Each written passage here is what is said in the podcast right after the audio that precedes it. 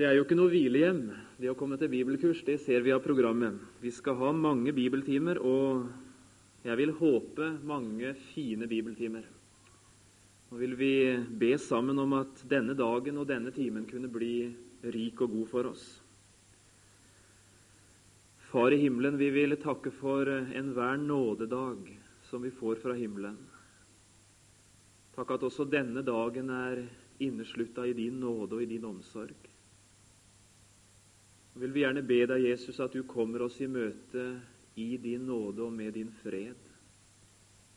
Vil du la budskapet som skal bæres fram, fylles av den ro, av den varme, av den trygghet og av det lys som du selv er fylt av.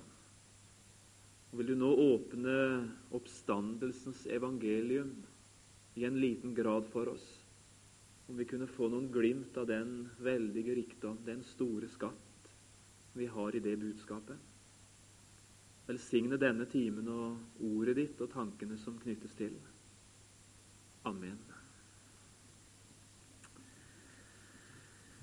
Det kan jo være at noen av dere ungdommene sitter med 1978-oversettelsen. Jeg tror at eh, alle vi som kommer til å tale nå, bruker 1930-oversettelsen. Og Jeg håper ikke det virker for forstyrrende for dere, at det er vanskelig å følge med. Men eh, det er, det er, grunnen til at dere kanskje hører en del bibler sitert ganske annerledes enn det står akkurat i den bibelen du har foran deg. Uten å si noe mer akkurat om det, så er det altså grunnen til at eh, ord som siteres, kan lyde litt annerledes enn du kanskje har i din bibel foran deg. Så er det bare sagt. Kristi oppstandelse og vår oppstandelse, hva sier Bibelen? Det er det temaet vi skal prøve å tale litt sammen om i de syv timene som jeg har fått ansvaret for. Og Skulle vi driste oss til å sette en uh, liten overskrift over denne første bibeltimen, kunne det være noe i retning av 'Kampen om oppstandelsesbudskapet'. Kampen om oppstandelsesbudskapet. Og Vi skal ta som et utgangspunkt fram et avsnitt i apostelgjerningene og kapittel 17 apostelgjerningene og kapittel 17. Der skal vi lese den aller siste delen av en tale Paulus holder i Aten, på Areopagoshøyden. Så skal vi også lese litt om reaksjonen som denne talen ble møtt med. Apostelgjerningene 17 og vers 30 i Jesu navn. Etter at Gud da har båret over med vankundighetens tider, byder han nå menneskene at de alle, alle steds skal omvende seg, ettersom han har fastsatt en dag da han skal dømme verden med rettferdighet, ved én mann som han har bestemt til det, etter at han har gitt fullgodt bevis for alle ved å oppreise han fra de døde. Da de hørte om dødes oppstandelse, spottet noen. Men andre sa, Vi vil høre deg ennå en gang om dette. Dermed gikk da Paulus bort fra dem. Men noen menn holdt seg til ham og kom til troen, iblant dem også Dionysius, en av Areopagus-dommerne, og en kvinne ved navn Damaris, og noen andre med dem. På 1700-tallet så var det en sak som ble veldig livlig diskutert omkring i de aller fleste betydelige hovedstadene i Europa. Det de diskuterte, både politikere og økonomisk interesserte og andre betydelige mennesker, det var om det gikk an å finne en sjøvei til det rike landet i Østen de hadde hørt om, India. De hadde jo hørt om krydderiene, om alle de andre kostbare varer og ting som fantes i dette rike landet. Og nå brant altså spørsmålet gikk det an å finne veien til det rike India rundt sørspissen av Afrika. De aller fleste de antok at det gjorde det, men eh, ingen hadde riktig fått bekreftet om det var mulig. De aller fleste som hadde forsøkt å runde sørspissen av Afrika, hadde nemlig forlist. Og en mann som het Bartolomeus Dias, han kalte sørspissen av Afrika nettopp fordi så mange hadde forlist, for eh, stormpynten. Så skjedde det at en portugiser, en nokså djerv sjømann som het Vasco da Gama, han lyktes i det å finne sjøveien rundt stormpynten og helt til det fjerne Østen. Og som om ikke det var nok, så fant han også veien tilbake igjen. Slik at da den portugisiske kongen eh, fikk høre det, så omdøpte han stormpynten til Kapp det gode håp. På et vis er vel det i en sum det vi skal tale om i disse bibeltimene. Døden, det er stormpynten som intet menneske makta å forsere. Stormpynten var det farvann i tilværelsen som fyltes av rak. Ingen makta å forsere stormpynten og komme tilbake igjen. En gjorde seg nok mange tanker om en tilværelse på den andre sida om et liv etter døden, om det fantes noe mer i menneskelivet enn bare det en ser og hører, som hører dette livet til. Men det ble bare antagelser og ingen bekreftelser. Kristus forserte stormpynten. Og han ikke bare forserte den, men han fant veien til landet bakom. Han åpnet en ny og en levende vei til den tilværelse, til det liv og til det rike, fullt av skatter som vi bare aner verdien av. Og fordi han selv var i stand til å forsere stormpynten og gjøre dødens stormpynt til et kapp til gode håp, så er han også i stand til å lose andre den veien. Trygt fram.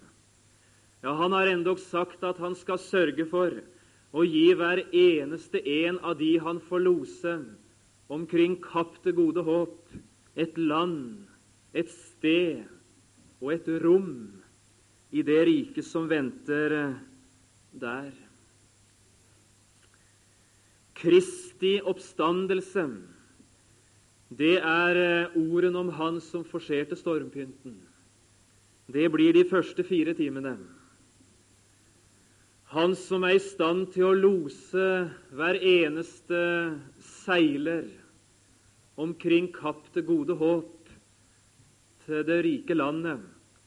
Det blir de tre siste timene. Og bare nevnt i parentes, det er jo klart at første Korinterbrev 15 blir nokså sentralt i noe av det vi i alle fall skal tale om.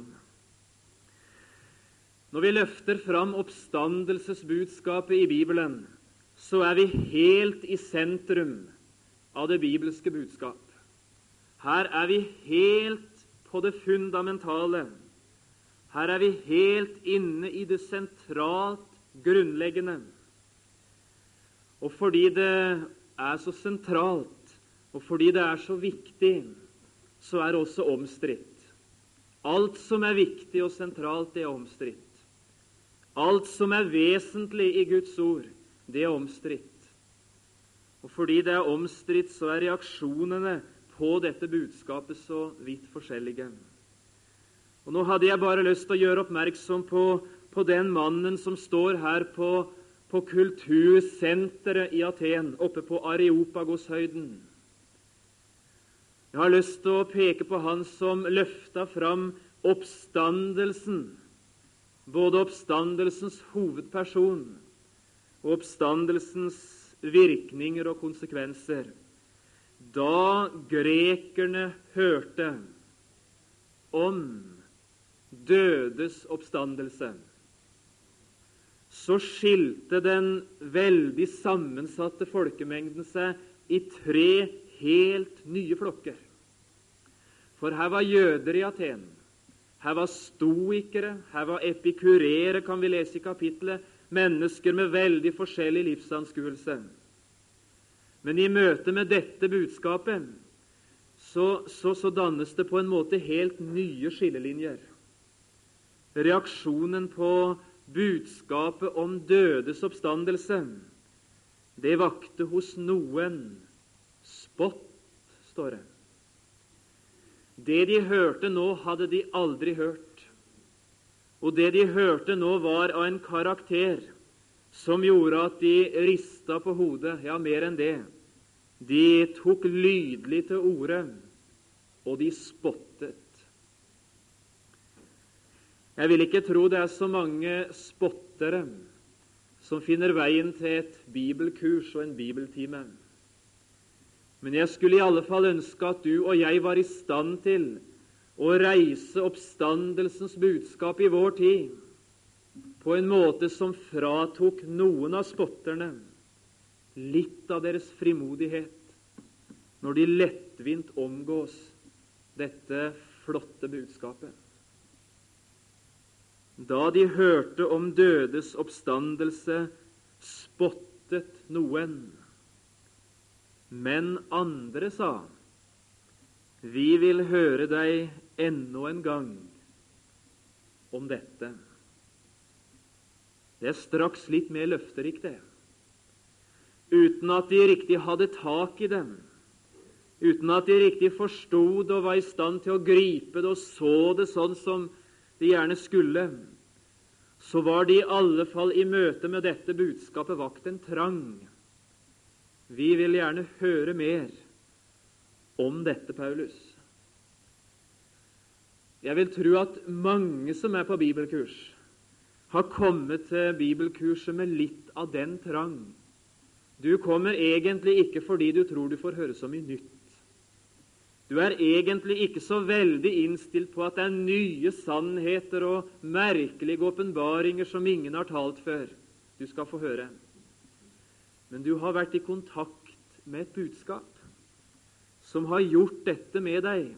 Det er født en trang. Du vil høre mer om dette. Du har fått en, en liten smak av sannheter som du skjønner er så, så store, så, så vidtfattende, evige, at de er ikke å gripe i et nu, i et øyeblikk. Fortell det gamle budskap, det beste som jeg vet, om Jesu makt og nåde og om Hans kjærlighet. Fortell meg det rett ofte. Jeg glemmer lett igjen. Vi vil høre mer om dette. Og Så er det en treflokk. Den var gjerne ikke veldig stor, men den vokste etter hvert. Noen menn holdt seg til ham, vers 34, og kom til troen. Du, her er én en eneste vei som fører til troen. Og det er den vei som heter høre. Her er mange som tror at den kan gjøre seg frelst. Nei, sier Bibelen. Det er ingen farbar vei å gjøre seg frelst, men det er en farbar vei å høre seg frelst. Da de hørte om dødes oppstandelse, kom noen til tro. Og Jeg hadde så lyst til å gjøre oppmerksom på to av de som er navngitt. Dionysius en av Areopagos-dommerne, står det. Vet du hva navnet Dionysius betyr? Guddommelig rørt. Guddommelig rørt. Det var derfor han kom til tro, ser du. Det var derfor han fant den vei som ikke var farbar på noe annet vis. Han ble guddommelig berørt ved noe han hørte. Det er velsigna berøring, og det er guddommelig berøring når det du hører, rører ved deg. Å, men jeg skulle ønske at Gud ved sin ånd kunne gjøre det vi fikk høre, til noe som rørte ved oss. Dionysius kom til tro. Han ble guddommelig berørt ved det han hørte. Ja, sier en del, jeg klarer ikke det der med troen. Min tro er så svak, jeg får ikke til å tro. Ja, da skulle du høre. Og du skulle høre mye, og du skulle høre ofte. Og du skulle høre slike steder der sånne ord lyder, som formidler guddommelig berøring. Du, her er ord i denne verden som formidler annen slags berøring. Her er massevis av ord også i kristen sammenheng som berører oss på annet vis. Da de hørte om dødes oppstandelse, kom noen til tro, fordi det de hørte, det ga de en guddommelig berøring. Og så står det noe om Damaris. Det betyr vel rett oversatt pike lill, eller noe sånt. Det har noe med den barnlige å gjøre. Det barnlige åpne. Det barnlige tillitsfulle. Det barnlige, ekte og skvære som hører og som tror. Du, her er en vei til tro for den som i enkel, barnlig tillit lytter og tar konsekvensen av, som hører og som bøyer seg for det en hører. Da de hørte, kom noen til tro. Å, men det er en, en fin kombinasjon. Den barnlige, tillitsfulle, enkle åpenhet, og så den guddommelige berøring, formidla ved et ord om Jesus. Du, her, her er troens vei. Her blir livet født. Vi skal gå til Judas brev. Og vi skal lese sammen det tredje verset i det brevet, for nå går litt mer inn i selve kampen om oppstandelsen. Nå har vi gjort hverandre litt oppmerksom på at dette budskapet vekker ulik reaksjon, og det er ganske forskjellige krefter i sving omkring dette budskapet. Og så har jeg lyst til å gjøre oppmerksom på noe Judas skriver når han skriver dette ene kapitlet vi har i Judas brev. Judas brev står like før Johannes' åpenbaring, som er det siste i Bibelen. For deg som ikke er så godt kjent at du må se i registeret og vet hvor det er hen. Vers 3.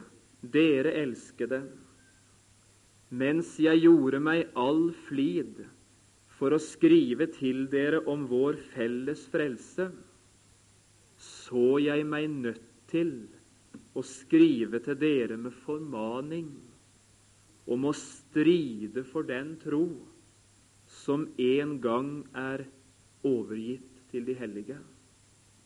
For noen mennesker har sneket seg inn. Her sitter en mann med ett hovedønske, nemlig å skrive gode ord, positive ord, oppbyggelige ord, veiledende ord inn i den store Jesusfrelsen som Bibelen forteller om. Men så er det noe som forstyrrer den harmoni som han egentlig ønsket å ville ha i formidlingen av dette budskapet. Jeg så meg nødt til. Det var noe som gjorde det påtrengende nødvendig for meg å endre litt på den måten jeg hadde tenkt å skrive om. Det var ikke fordi jeg ville det sånn, men det var fordi det var nødvendig. Her er noen som har ført ting inn vedrørende denne frelse som, så ikke er godt. Det er ikke sunt, det er ikke ekte, det er ikke riktig. Og skal jeg nå være i stand til å løfte denne felles frelse opp, sannheten om Jesus, slik at den blir klar og tydelig og rein, så må jeg skrive noe om dem som har angrepet frelsen, og formane til kjemp for den tro som en gang er overgitt, for det står strid om den.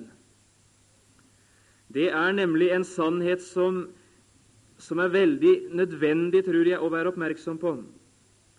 Troens ord, det har ofte vært løftet fram aller tydeligst i front mot vantroen og angrepene. Mange av de bibelske skriftene de er blitt til i kampsituasjon. Det var noe ved, ved, den kristne tro som var angrepet. Det var noe som var trua. Og så ser en Paulus er f.eks. nødt til å måtte skrive noe om dette som er trua, og så får vi de flotteste, fineste veiledningene inn i selve sannheten. Første Korinterbrev, det brevet som kanskje gir oss aller mest av praktiske, fine formaninger om det kristne forsamlingsliv, er skrevet i front mot mye usunt i forsamlingen. Galaterbrevet, som gir oss den flotteste innføring i frelse ved tro, nåde pluss ingenting, er skrevet i front mot noen som ville forkvakle frelsesveien. Troens ord lyder oftest aller klarest når det lyder i front mot vantroen og den usunne lære. Det kan være noe å være oppmerksom på. Vi er på vei inn i tider i vårt Norge der vantroen er blitt langt mer høyrøsta enn tidligere. Det er mennesker langt mer høylytt og frekt enn før. Anfekter og kjemper imot helt fundamentale ting i, i den bibelske tro, også innenfor kristne sammenhenger. Det er så om å gjøre å, å stride for den tro. Stride for noe. Ikke stride mot, men stride for noe positivt. I klar oppmerksomhet av dette er truet. Her er det fare på ferde. Vi roser oss av at vi vil være bibeltro. Hva er bibeltroskap for noe? Ja, Det kan defineres sikkert på mange måter. Kanskje er det noe i retning av dette det er å regne med at Bibelen er ufeilbarlig og absolutt troverdig i alt det den uttaler seg om. Enkelt og greit. Bibeltroskap er å regne med at Bibelen er uten feil og absolutt troverdig, ikke bare i noe, men i alt det den uttaler seg om. Det er viktig å være klar over det. Her er en del mennesker som lager denne tosirkeltegningen. Har har, du, har du sett den? En sånn indre sirkel der en sier noe om at når Bibelen uttaler seg om sentrale frelsesspørsmål, så er den troverdig og ufeilbarlig. Men så tegner de en ytre sirkel, og mellom den indre og den ytre så ligger historiske opplysninger, fortellingsform, geografiske ting, en masse ting som ikke liksom regnes som helt nødvendig til frelse, men som står i Bibelen. Der er Bibelen ikke uten videre feilbarlig, sier en del. Det er veldig farlig å begynne med sånn tenkning. Hvem skal bestemme hvor den indre sirkelen går, da? Hvem skal tegne den grensa for oss? Hvem vil våge seg til å si at 'jeg er den instans som avgjør hva i Bibelen jeg kan tro på, hva jeg ikke kan tro på'? Det er veldig farlig. Det har vært ting på banen nå som positivt har løfta opp Bibelen er troverdig og uten feil i alt det den uttaler seg om. Det er den eneste måten å ha ryggen fri i forhold til Bibelen på. Men hør nå. Bibeltroskap og hvor bibeltroskapen prøves, det er det verden og djevelen som skriver dagsorden for. Skal du merke det? Hva bestemmer hvor bibeltroskapen vår skal prøves? Ja, det bestemmer vi ikke sjøl, men det bestemmer Satan, og det bestemmer verden. Og det bestemmer de strømningene som vår egen tid er prega av. I møte med det som rører seg i vår tid, skal vår bibeltroskap prøves. Det er himmelvid forskjell på en vimpel og et ror. Den sammenligningen har du kanskje ikke tenkt noe på. En vimpel er veldig flott. Den kan være synlig og fargerik og fint, og det kan gjerne stå bibeltroskap på den. Men en vimpel er ingen hjelp, verken til å bestemme kurs, retning Det er ingen hjelp til å nå noe mål. Vår bibeltroskap må være mer enn vimpel. Det må være ror. Og et ror, det er den hjelp som, som hjelper oss i den aktuelle strøm, i den gjeldende storm, i det som er på banen nå. Jeg vet ikke om du får tak i den tanken. I den første kristne tid så var det to ting det virkelig raste kamp om. Det ene var synet på Det gamle testamentet. De første kristne menigheter var veldig tvilrådige en del. Hvordan skal vi forholde oss nå til Det gamle testamentet, som er jødenes hellige skrifter først og fremst? Og der raste kampen. Noen sa vi er forplikta på alt. Andre sa det motsatte. Vi trenger ikke bry oss om noe. Og så er bibeltroskapen det som finner den farbare mellomvei på en måte. Visst er det ting i GT vi ikke er forplikta på, for det er ikke til oss. Samtidig hører hele Det gamle testamentet med i Den hellige skrift. Der kampen raste, viste bibeltroskapen seg. Det andre var, var synet på hvem Jesus var. Var han et menneske som Gud brukte? Var han Gud som bare opptrådte som et slags skinnmenneske? Altså en slags menneskelig sånn lignelse? Eller var han både sann Gud og sant menneske? Ja, der raste kampen. Bibeltroskap da viste seg i nettopp i møte med, med de strømningene som råda, og ville holde fast på det Gud hadde sagt. På 1500-tallet hadde omtrent hele kjerka ødelagt frelsesveien for oss. Så er det noen som våger å ta opp kampen imot den kolossale dampveivalsen som hadde meiet alt ned, og som løftet fram frelse av nåde ved tro alene. Bibelen alene, nåden alene, Kristus alene, troen alene. De våget å være bibeltro, stikk imot de strømningene som rådet. I vårt århundre har kampen rast på synet om jomfrufødselen, synet på fortapelsen, de to utganger, synet på oppstandelsen, synet på forsoningen, Jesu død, nødvendigheten og betydningen av den. Hvor raser kampen i vår tid? Ja, på flere måter. Kanskje er det først og fremst på etikkens område at vi i 1986 får prøvd vår bibeltroskap. Respekten for livet, synet på ekteskapet, samliv, skilsmisse, homofili, gjengifte, synet på ærlighet, ting på etikkens område. Kanskje er det der du og jeg som gjerne vil være bibeltro, skal reise idealer for den oppvoksende slekt, for det er her det brenner. Oppstandelsen har det vært fight om hele veien, og det er fight om den også i dag. Når jeg nevnte dette med bibeltroskap, så ville jeg gjerne løfte det fram så bredt, fordi det syns jeg er så viktig. Det hjelper jo ikke å stå på en bastion som vi vant for to generasjoner siden, når strømmen holder på å ta livet av oss på et annet punkt. Det er veldig sunt å følge med i tida. Det er veldig sunt å følge med i hva som rører seg.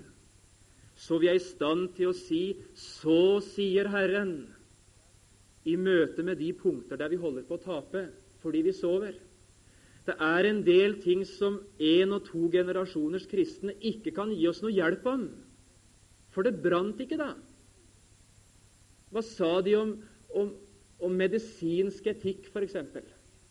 En tukling av, med menneskelivet som vi holder på med nå, som er så vanskelig. Hva sa de om det for en generasjon siden i bedehusene våre? Ingenting. For de kunne ikke si noe om det. For det var ikke aktuelt. Men i dag er det aktuelt. Og i dag må vi prøve å si noe om det, fordi vi har et ord som er anvendbart nettopp i møte med det som brenner nå. Det skal være nok om det, men, men, men merk deg iallfall den hovedsatsen. Bibeltroskap. Dagsordenen skrives ikke av oss, men av verden.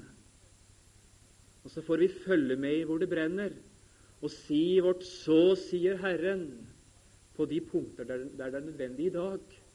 Ikke dermed sagt at det som var sagt før, er uvesentlig, for det brenner ofte på de samme punkter. Vi må sannelig si noe om hva frelsesveien består i.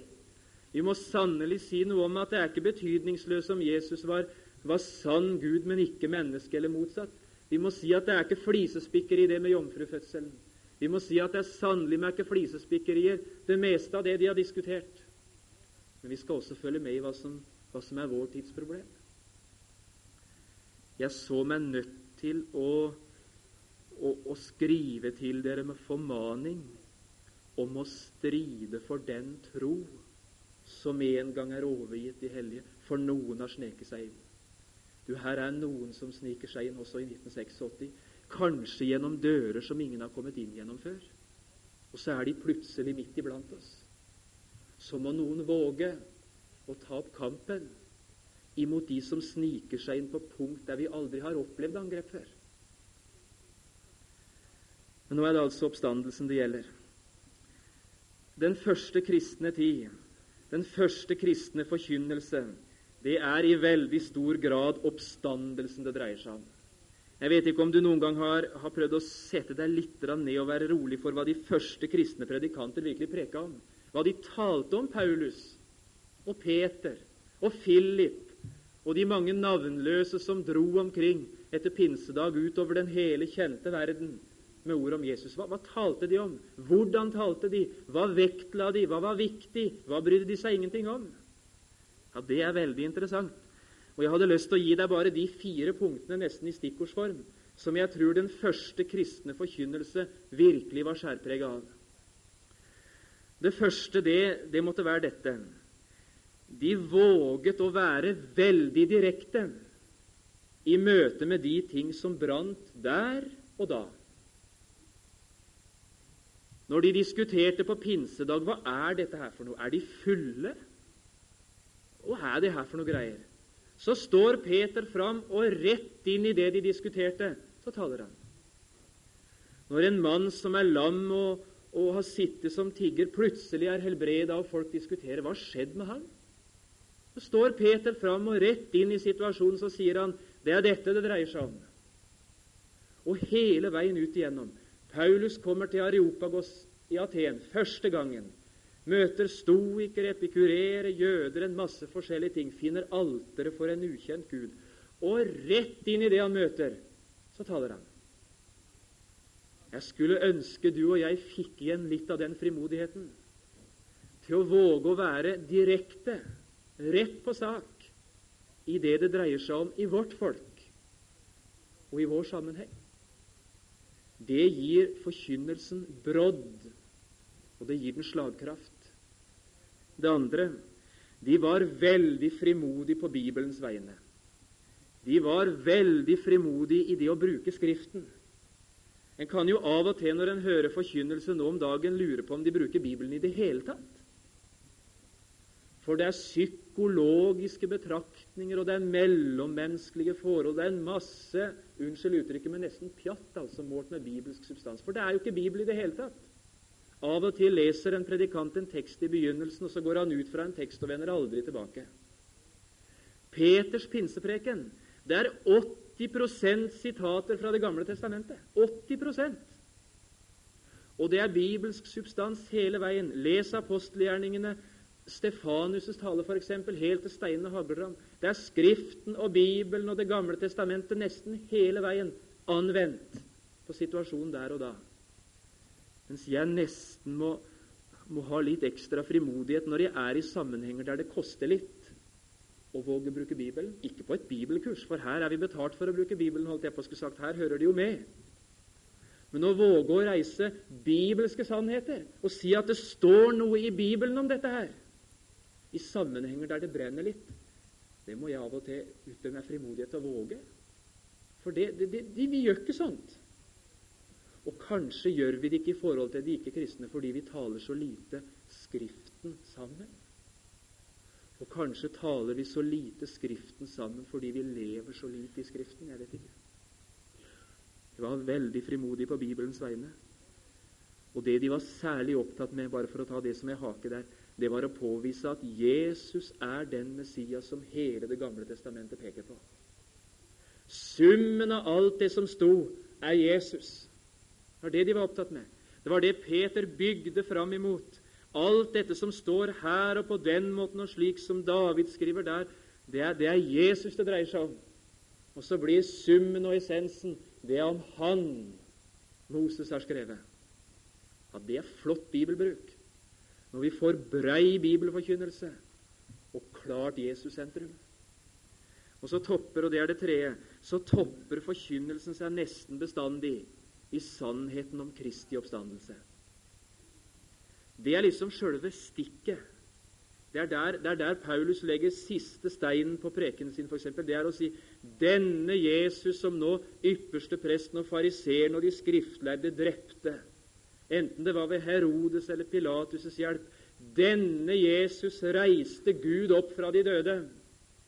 Og vi er vitner om det, for vi har møtt han. Og så er brodden der.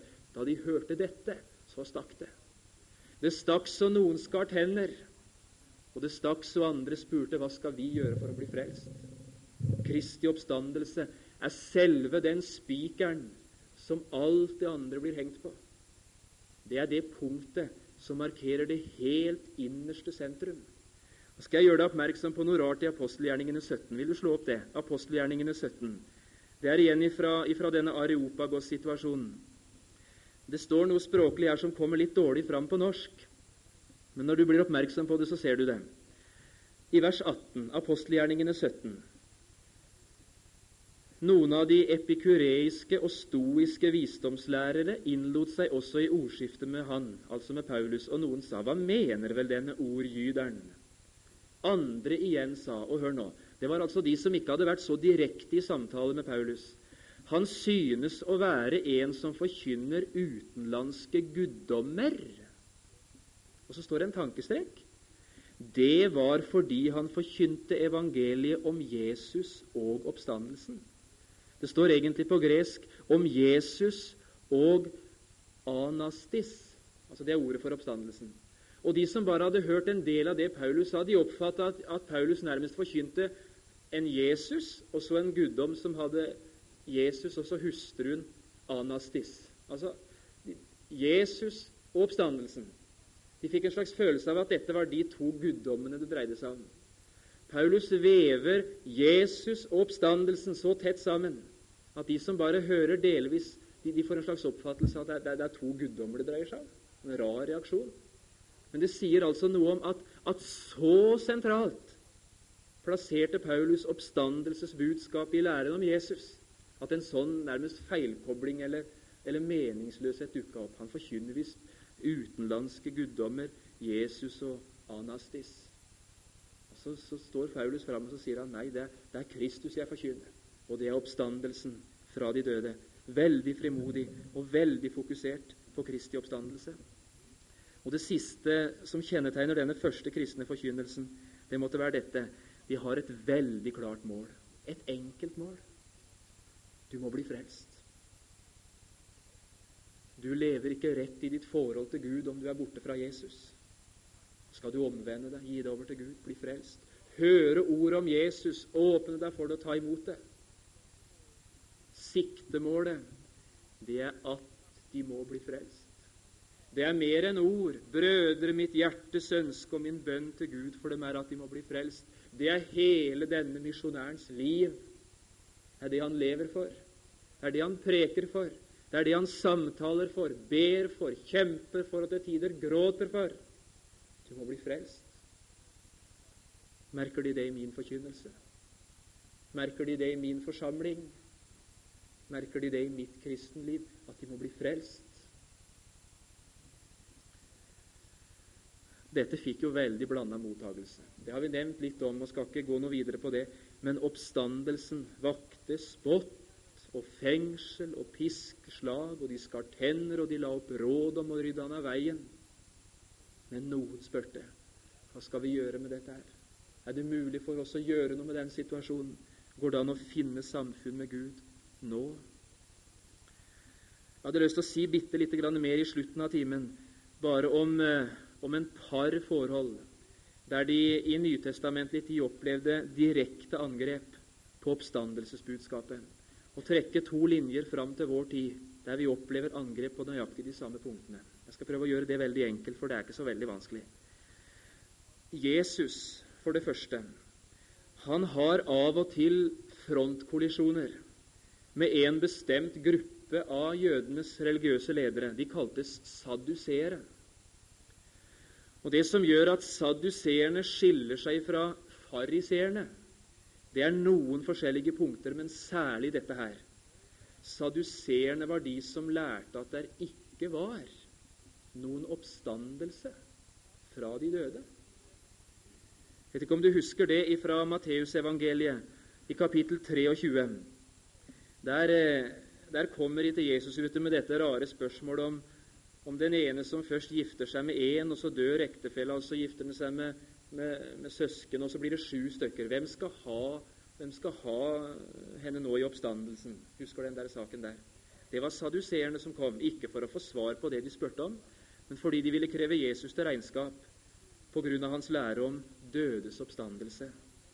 Saduseerne var altså de som i religiøs sammenheng, og kanskje endog i, i Guds navn på sin måte, fornektet noen oppstandelse fra de døde.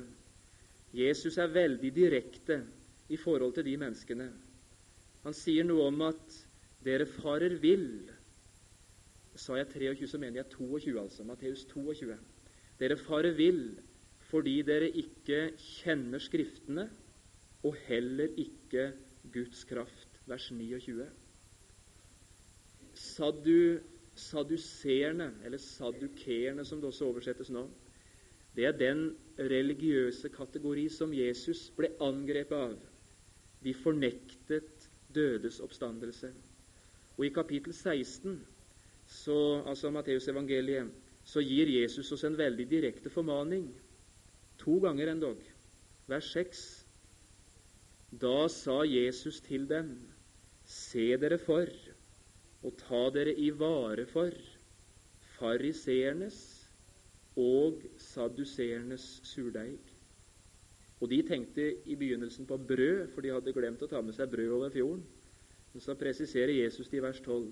Da forsto de at han ikke hadde talt om at de skulle ta seg vare for surdeigen i brød, men for fariseernes og sadduseernes lære. Jeg har lyst til å spørre er sadduseernes surdeig virksom i 1986, tro? Da må vi vel på den ene sida si at de som fornekter troen på oppstandelsen, som regel befinner seg utenfor kristne sammenhenger og kristne rekker. Det er der iallfall de mest hardnakka befinner seg, som, som fornekter og sier 'nei, dette tror vi ikke på'. I en viss grad så kan det prege en del i folket vårt. En tror at livet er det vi ser og opplever her og nå, og det er ikke mer enn fram til døden. Innenfor kristne sammenhenger så, så er ikke det så vanlig.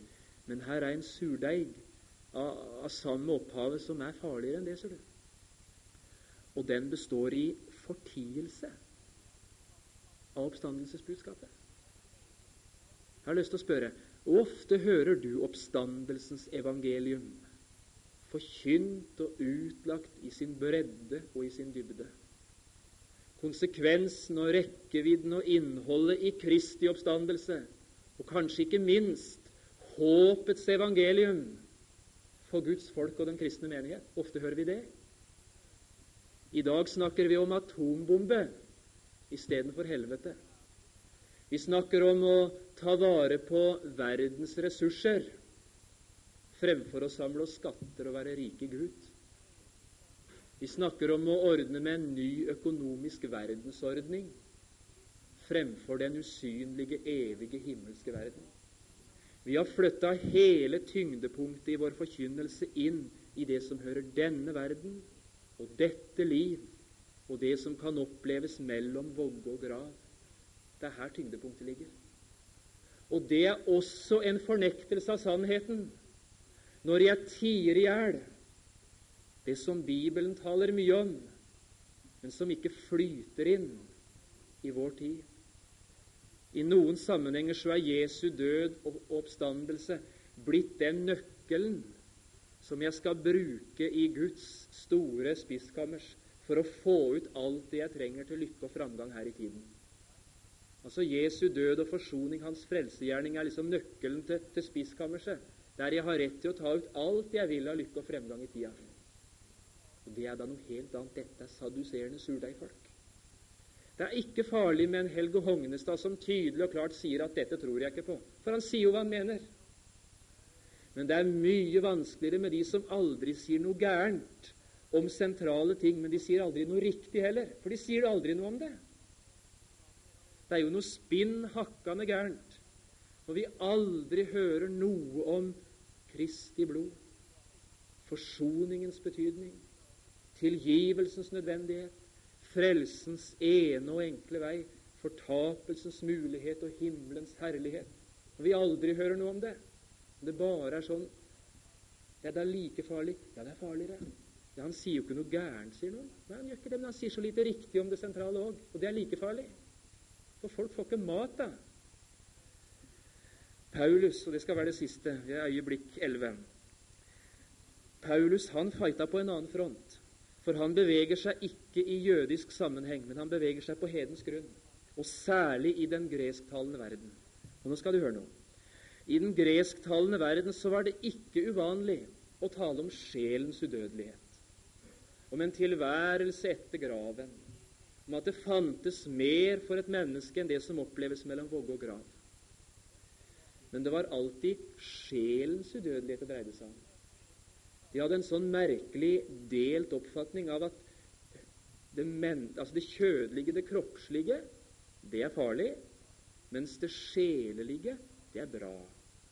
Alt det som er materielt og håndfast og, og, og ting, det er det onde. Og frelse består i å bli frigjort ifra dette kroppslige og materielle og håndfaste til det sjelelige, åndelige. En slags sånn dualistisk virkelighetsforståelse. liksom en sånn altså, Kroppen er, er det spinn gærent med, men frelse er at sjelen frigjøres fra fengselet. liksom. Og Så kommer Paulus, og så sier han Kristus er oppstått fra de døde, og graven var tom. Ja, da spotter de at Kristus er oppstått med hele kroppen. Onde sitter jo i kroppen. Det, det, er, jo, det er, jo, forgjengelig. De døde, sier Paulus, de skal oppstå legemlig som Kristus gjorde det. Nei, sier Korinten, det, det, må du altså dra lenger ut på landet med. For, for, og dette kan vi egentlig tenke Korint om. Men jeg skal lure meg på om ikke vi av og til har med oss litt surdeig fra Korint helt inn i våre egne bedehusforsamlinger. Hør på denne musikklagstrofen her. Eh, øyeblikk, så skal jeg ha den. Når sjelen blir løst fra sitt fengsel, da lengter min sjel aldri mer. Hva er det der? Det er jo ikke vanskelig å, å tenke hva fengselet her er. Det er kroppen, ikke sant? Når sjelen blir løst fra sitt fengsel, da lengter min sjel aldri mer. Ja, det har vi ikke fått fra Paulus, men det har vi fått fra Aten og Korint og grekere som er hedenske og avgudsdyrkere. For når Bibelen forkynner oppstandelsen, så forkynner den ikke forløsning fra legemet, men den forkynner legemets forløsning. Jo visst skal jeg få et åndelig legeme, men et legeme like fullt. Og det er viktig. For det sier noe om det synet vi skal ha både på kroppen vår og på tilværelsen og en masse ting. Bibelen tenker ikke ensidig negativt og sier at arvesynden sitter i kroppen av kjøtt og blod. Den sitter i hele meg. Derfor må hele meg bli forvandla, kropp og sjel. Jeg må forvandles til likhet med Han som er herliggjort endog i sitt legeme. Der kunne vi sagt mye om men eh, vi drar med oss litt surdeig, tror jeg, av og til. ifra Korint òg. Nei, Bibelen bekjenner troen på at Kristus er legemlig oppstanden. Graven var tom, og vi skal forvandles til likhet med Hans åndelige legeme. Her får vi løfte fram hva Bibelen sier, i front mot det som andre røster sier. Jo, det er en som har passert stormpynten. Det fins en vei via Kapp det gode håp til landet. Og det skal vi tale litt positivt om nå videre. Far i himmelen. Vi vil gjerne be om å få være bibeltro. Vi vil gjerne be om årvåkenhet i forhold til ditt ord. Og vi vil be om årvåkenhet i forhold til den tid vi lever i. Hjelp at vi kunne være rett forstått profetrøster i vår egen tid. Vil vi gjerne be om at du åpner oppstandelsesordet for oss i løpet av disse timene. Gjør det ved din hellige ånd. Amen.